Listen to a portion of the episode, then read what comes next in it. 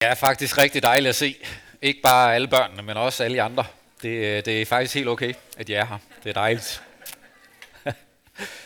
Og jeg har, også, øh, jeg har også taget lidt med, som øh, måske I lige vil se den, børn, inden I nu bliver helt væk i jeres æggemaleri. Så øh, jeg har nemlig taget en sort boks med. Og jeg er, jeg er lidt spændt på, om den virker. Jeg håber sådan, den virker. Men det er sådan med sorte bokse, at det er sådan først bagefter, når man virkelig har haft brug for dem, at man ved, om de virkede. I ved godt, at sorte bokse, det er jo sådan nogle, man sætter i et fly, for eksempel. Så hvis et fly styrter ned, så går man ud og leder efter den sorte boks, fordi der er der vigtige informationer i, om hvad der egentlig skete. Den her boks, den har absolut ingenting med fly og flystyrt at gøre. Men den er sort, og det er en boks, og den har noget rigtig vigtigt at fortælle os. Noget vigtig information til os. Den sorte farve bruger vi jo ofte som symbol på det triste. Når man tænker på noget trist eller sørgeligt, så kan den sorte farve blive brugt. Vi var til en begravelse for noget tid siden, hvor rigtig, rigtig mange havde taget sort tøj på. Eller i fredags, lang fredag, hvor gudstjenesten handlede om Jesu død, havde jeg den sorte præstekjole, præstedragt på. Fordi sort forbinder vi med med død og med tristhed, med ondskab måske også, og det vi gør forkert. Man kan også tænke den sorte boks her som et billede på, på Jesu grav. At da Jesus var død, så var alting blevet temmelig sort og trist og ulykkeligt. Også for dem, der fulgte Jesus. Og vi skal læse om lidt, hvordan der var nogle kvinder, der gik ud til Jesu grav søndag morgen de gik ud til det mørke sted, og de var triste indeni. De gik derud, fordi at de gerne ville finde Jesu grav og sige et sidste farvel. Og de håbede, de kunne finde nogen, der ville lukke graven op for dem. Fordi inde i graven lå ham, de elskede, Jesus. Han var blevet slugt af døden, blevet taget af døden og spærret inde i graven, var væk. Ham ville de gerne sige et sidste farvel til. Så de gik derud, og da de så kommer ud i haven for at finde ham, de elsker, så sker der det mærkværdige derude, at stenen allerede er taget væk, og der er åben ind til Jesus, men da de går der ind, så er han væk. Graven er helt, fuldstændig tom. Og de forstår det ikke. De bliver faktisk helt forskrækket over det, men der er en, en engel, der viser sig for dem og siger, I skal ikke være bange. Han er ikke her i graven. Det er fordi, han er opstået, sådan som han har sagt, han ville. Og nu skal I gå hjem, og I skal sige til hans disciple og, og til Peter, at han er opstået, og at han vil møde jer igen. Og de forstod ikke en lyd. De tænkte, det kan ikke være rigtigt. Men de gik væk derfra, og det viste sig, at det faktisk var sandt. Fordi han viste sig for dem, som han havde lovet. Og det gik op for dem, at ham, som var blevet slugt af døden, nu havde slugt døden. Og havde vundet over døden. Sådan så alt det, der før var trist og ondt, alt det, der var ødelagt for dem, det havde han taget væk.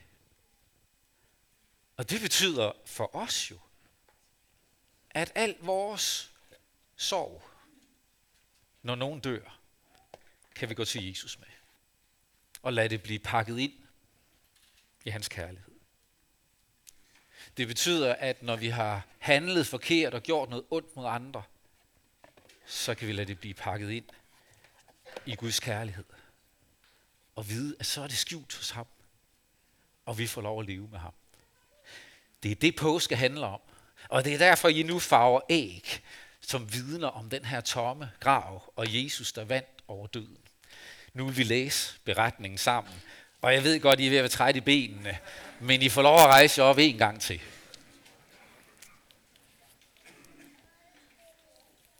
Evangelisten Markus fortæller, da sabbaten var forbi, købte Maria Magdalene og Maria Jakobs mor og Salome vellugtende salver for at gå ud og salve ham. Meget tidligt om morgenen, den første dag i ugen, kommer de til graven, da solen var stået op. Og de sagde til hinanden, hvem skal vi få til at vælte stenen fra indgangen til graven? Men da de så derhen, opdagede de, at stenen var væltet fra, for det var meget stor. Og da de kom ind i graven, så de en ung mand i hvide klæder sidde i den højre side, og de blev forfærdet. Men han sagde til dem, vær ikke forfærdet. I søger efter Jesus fra Nazareth, den korsfæstede. Han er opstået. Han er ikke her. Se, der er stedet, hvor de lagde ham. Men gå hen og sig til hans disciple og til Peter, at han går i forvejen for jer til Galilea. Der skal I se ham, som han har sagt jer det. Og de gik ud og flygtede fra graven, for de var rystet og ude af sig selv. Og de sagde ikke noget til nogen, for de var bange. Amen.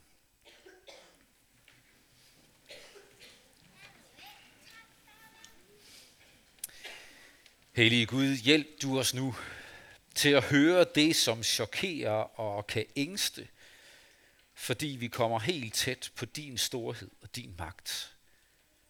Men lad det få lov at blive til liv og tro og glæde for os. Amen.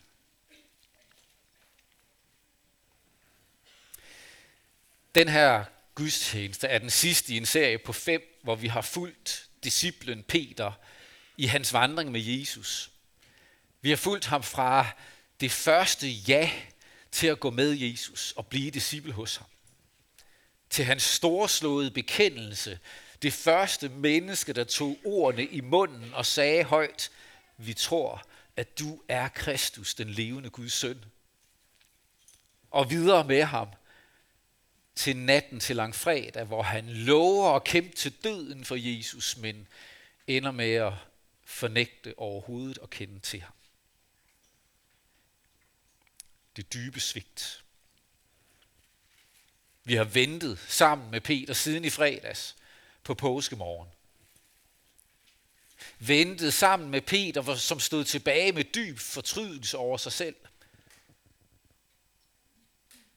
Mit gæt vil være, at vreden over andres ugerninger og barske behandling af hans elskede Jesus, den vrede blegnede i forhold til hans had mod sig selv.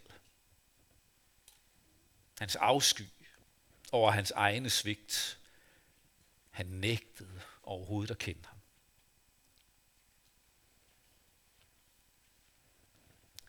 Et er, når vi opdager, at vi ikke lever op til Guds bud.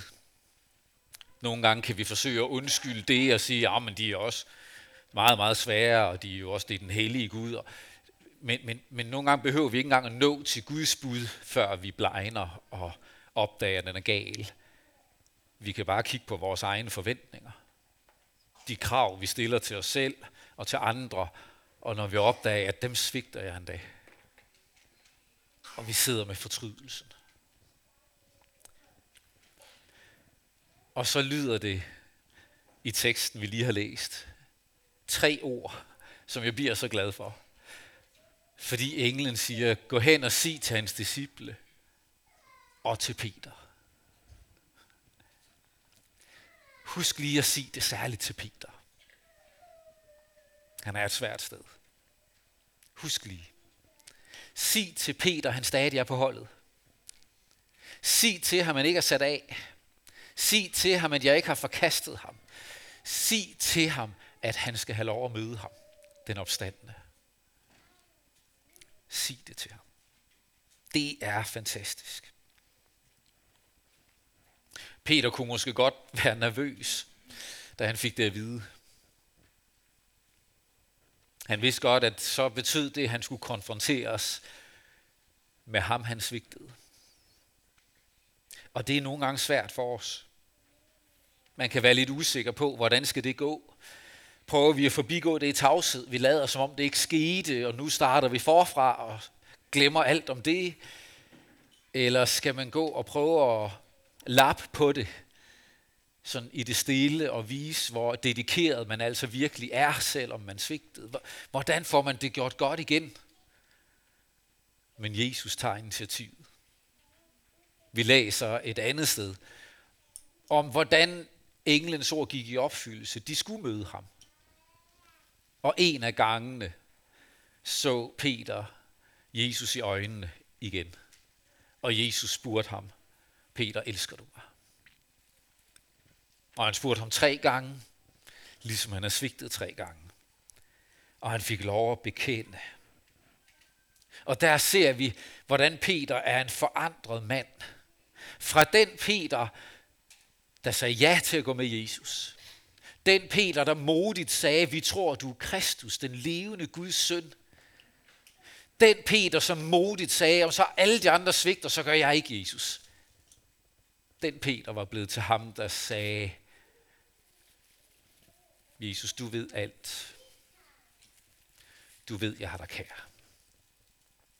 En Peter, der ikke havde flere store ord tilbage om sin egen dedikation, men stadig måtte bekende sin kærlighed til Jesus. At han ville høre til hos ham. For det er jo nøglespørgsmålet, som Jesus stiller os til os. Elsker du mig? Vil du fællesskab med mig? Vil du høre til i min flok? Vil du være en af mine elskede? Det er det, han spørger om. Ikke hvor meget ved du? Hvor meget har du forstået? Kan du forklare det hele til bunds? Er du helt sikker? Hvor langt er du villig til at gå? Det er ikke det, han spørger om. Han spørger stille og roligt. Elsker du mig? Hører vi to sammen? Jeg har valgt dig til. Vil du tage imod? Det er det, det kommer ned til. Du ved alt, Jesus. Du ved, jeg har dig kær. Sådan har du også lov at svare. Når du faktisk ikke helt ved. Du kan ikke engang gennemskue dine egne følelser fuldt ud. Du synes ikke, det er nemt at svare på. Men så bare sig som Peter. Jesus, du ved alt. Så bare tag mig tæt på og lad mig elske. Og Peter blev den anfører, han var udvalgt til at være for disciplene.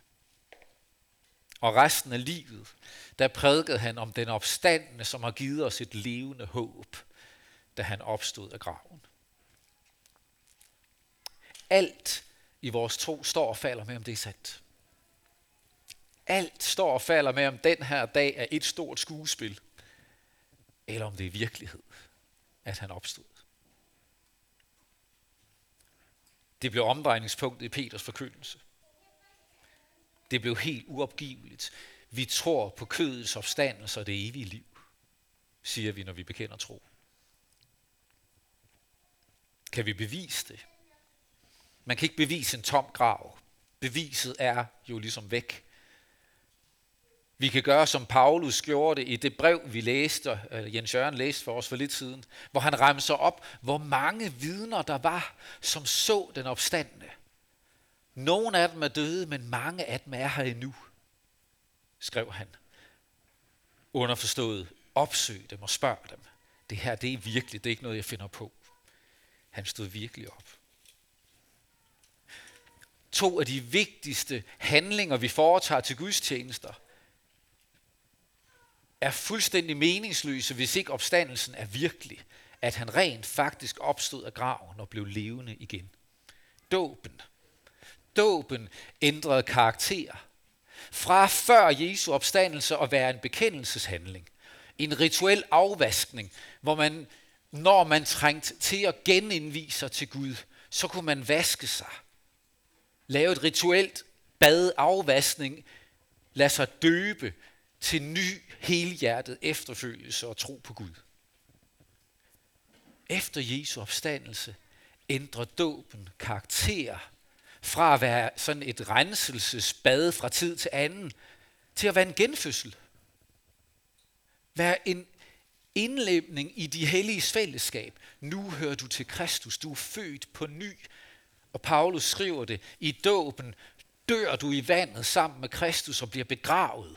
Som han lå i graven, lå du i dåbens vand. Og som han opstod af graven, står du op af vandet og er født på ny.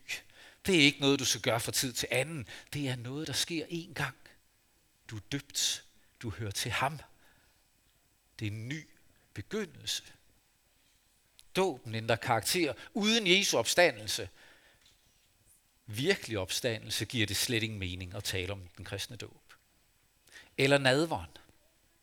Hver gang I fejrer nadveren, står der i Bibelen, så forkynder I Herrens død, indtil han kommer.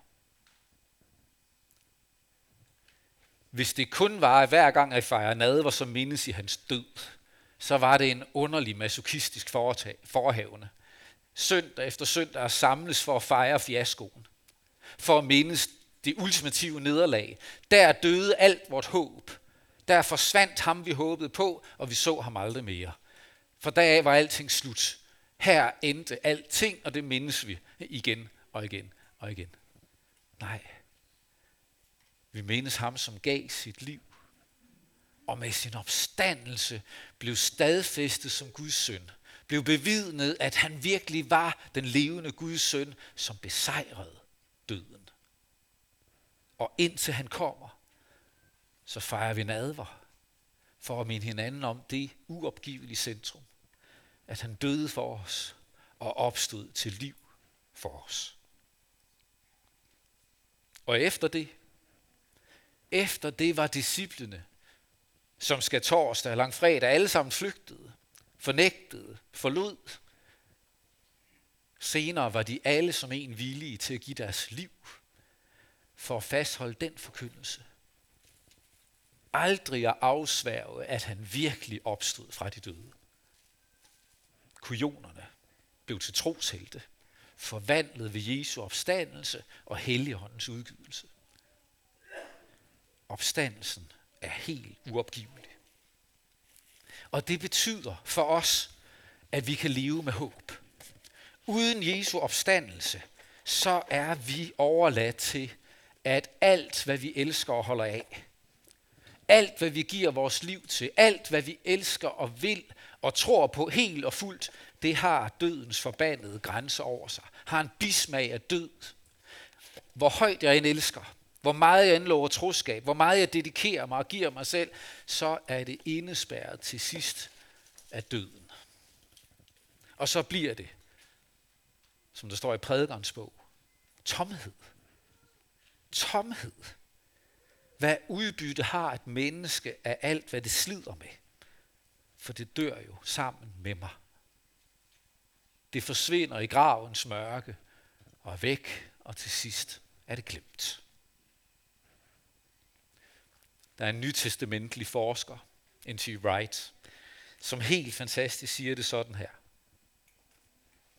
Hvis det er sandt, at døden har det sidste ord, så smører vi i virkeligheden bare hjulene på en maskine, der er på vej ud over en, ud over en grøft, ud over en klippekant, ud over en afgrund. Vi smører hjulene, så maskinen kører godt, indtil den falder i døden, i ødelæggelse. Eller vi restaurerer et skønt maleri, som skal smides i ilden i morgen. Vi går og pynter på det. Vi smører hjulene, men det er intet værd, for døden sejrer. Alt har en bismag af død. Selv det første kys. Den største sejr. Den veloverståede eksamen. Den fine medalje det første barn, det bedste venskab. Det har en bismag af død, for til sidst tager døden det. Men fordi han opstod, så er det Paulus jubler og siger, død, hvor er din brød? Død, hvor er din sejr? Så har alt, hvad vi foretager os, en smag af liv. Det er værd at kæmpe mod ondskaben, for livet er større. Det er værd at kæmpe for troskab, for kærligheden er større. Det er værd at vidne om Kristus, for livet består med ham. Og hans kærlighed må vi have lov at fagnes i. Selv de største nederlag, din største sorg, dit største tab, må ligge i Kristi kærlighed. Og intet er forgæves med ham. Intet. I fem uger har vi spurgt, over fem gudstjenester har vi spurgt, hvad kæmper vi for? Og nu ved vi, nu kender vi svaret. Vi kæmper for, at intet menneske skal leve uden håb. Det er, hvad vi kæmper for. Og fra opstandelsens morgen var det en sandhed, der skulle deles. Gå hjem og sig det til disciplene og til Peter. Sig det til enhver, som kæmper med skyld og skam, nederlag, selvfordømmelse, angst, depression, livslede. Sig, at der er en, der har vundet over døden. Sig, at der er en, som rækker tilgivelse til dig som en gave. Og spørg, vil du elske mig? Vil du følge mig? For jeg har givet mit liv for dig. Det er det, vi samles om. Og det er det, vi sendes med. Som del af hans skare, der har noget at kæmpe for. At ingen skal leve uden håb. Amen. Lad os bede sammen. Lov og tak og evig ære være dig, vor Gud, Far, Søn og Helligånd. Du som var, er og bliver en sand træen i Gud, højlovet fra første begyndelse, nu og i al evighed. Amen. Himmelske Far, tak for opstandelsens morgen, for livslyset, der lyser ind i vort mørke, og for din kærlighed, der omslutter alt ondt hos os. Hvor der er tilgivelse for alt, hvor der er trøst og håb midt i sorg og elendighed. Tak. Vi beder for din kirke, vores egen og i vores by, vores land og ud over verden. Lad din kærlighed præge os, så vi lever som ambassadører, sendt med håbets budskab. Vi beder for vores by, vores byråd og vores borgmester Torben Hansen, for børn og unge, daginstitutioner og skoler, familier og hjem i vores by. Vi beder om, at du velsigner og bevarer enhver, som venter et barn. Beskyt både dem og det ufødte barn, de bærer på. Beder for alle, som sidder med sorg og savn, fordi de har mistet. Her er komme med opstandelsens budskab og livets håb. Her hjælp os til at tage vare på det skaberværk, du har betroet os, og dem, som du har sat os hos. Hør os, når vi hver især i stillhed beder for dem, du i dag minder os om.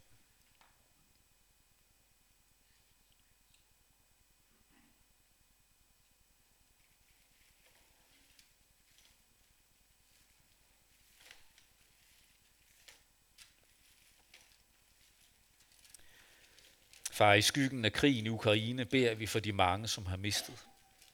De, som er fanget i krigens redsler. Alle, som er på flugt, der eller andre steder i verden. Herre, vær dem nær. Giv fred på jord, og hjælp din kirke til at fremme freden mellem folkene. Det beder vi om ved din elskede søn, vor Herre Jesus Kristus. Amen.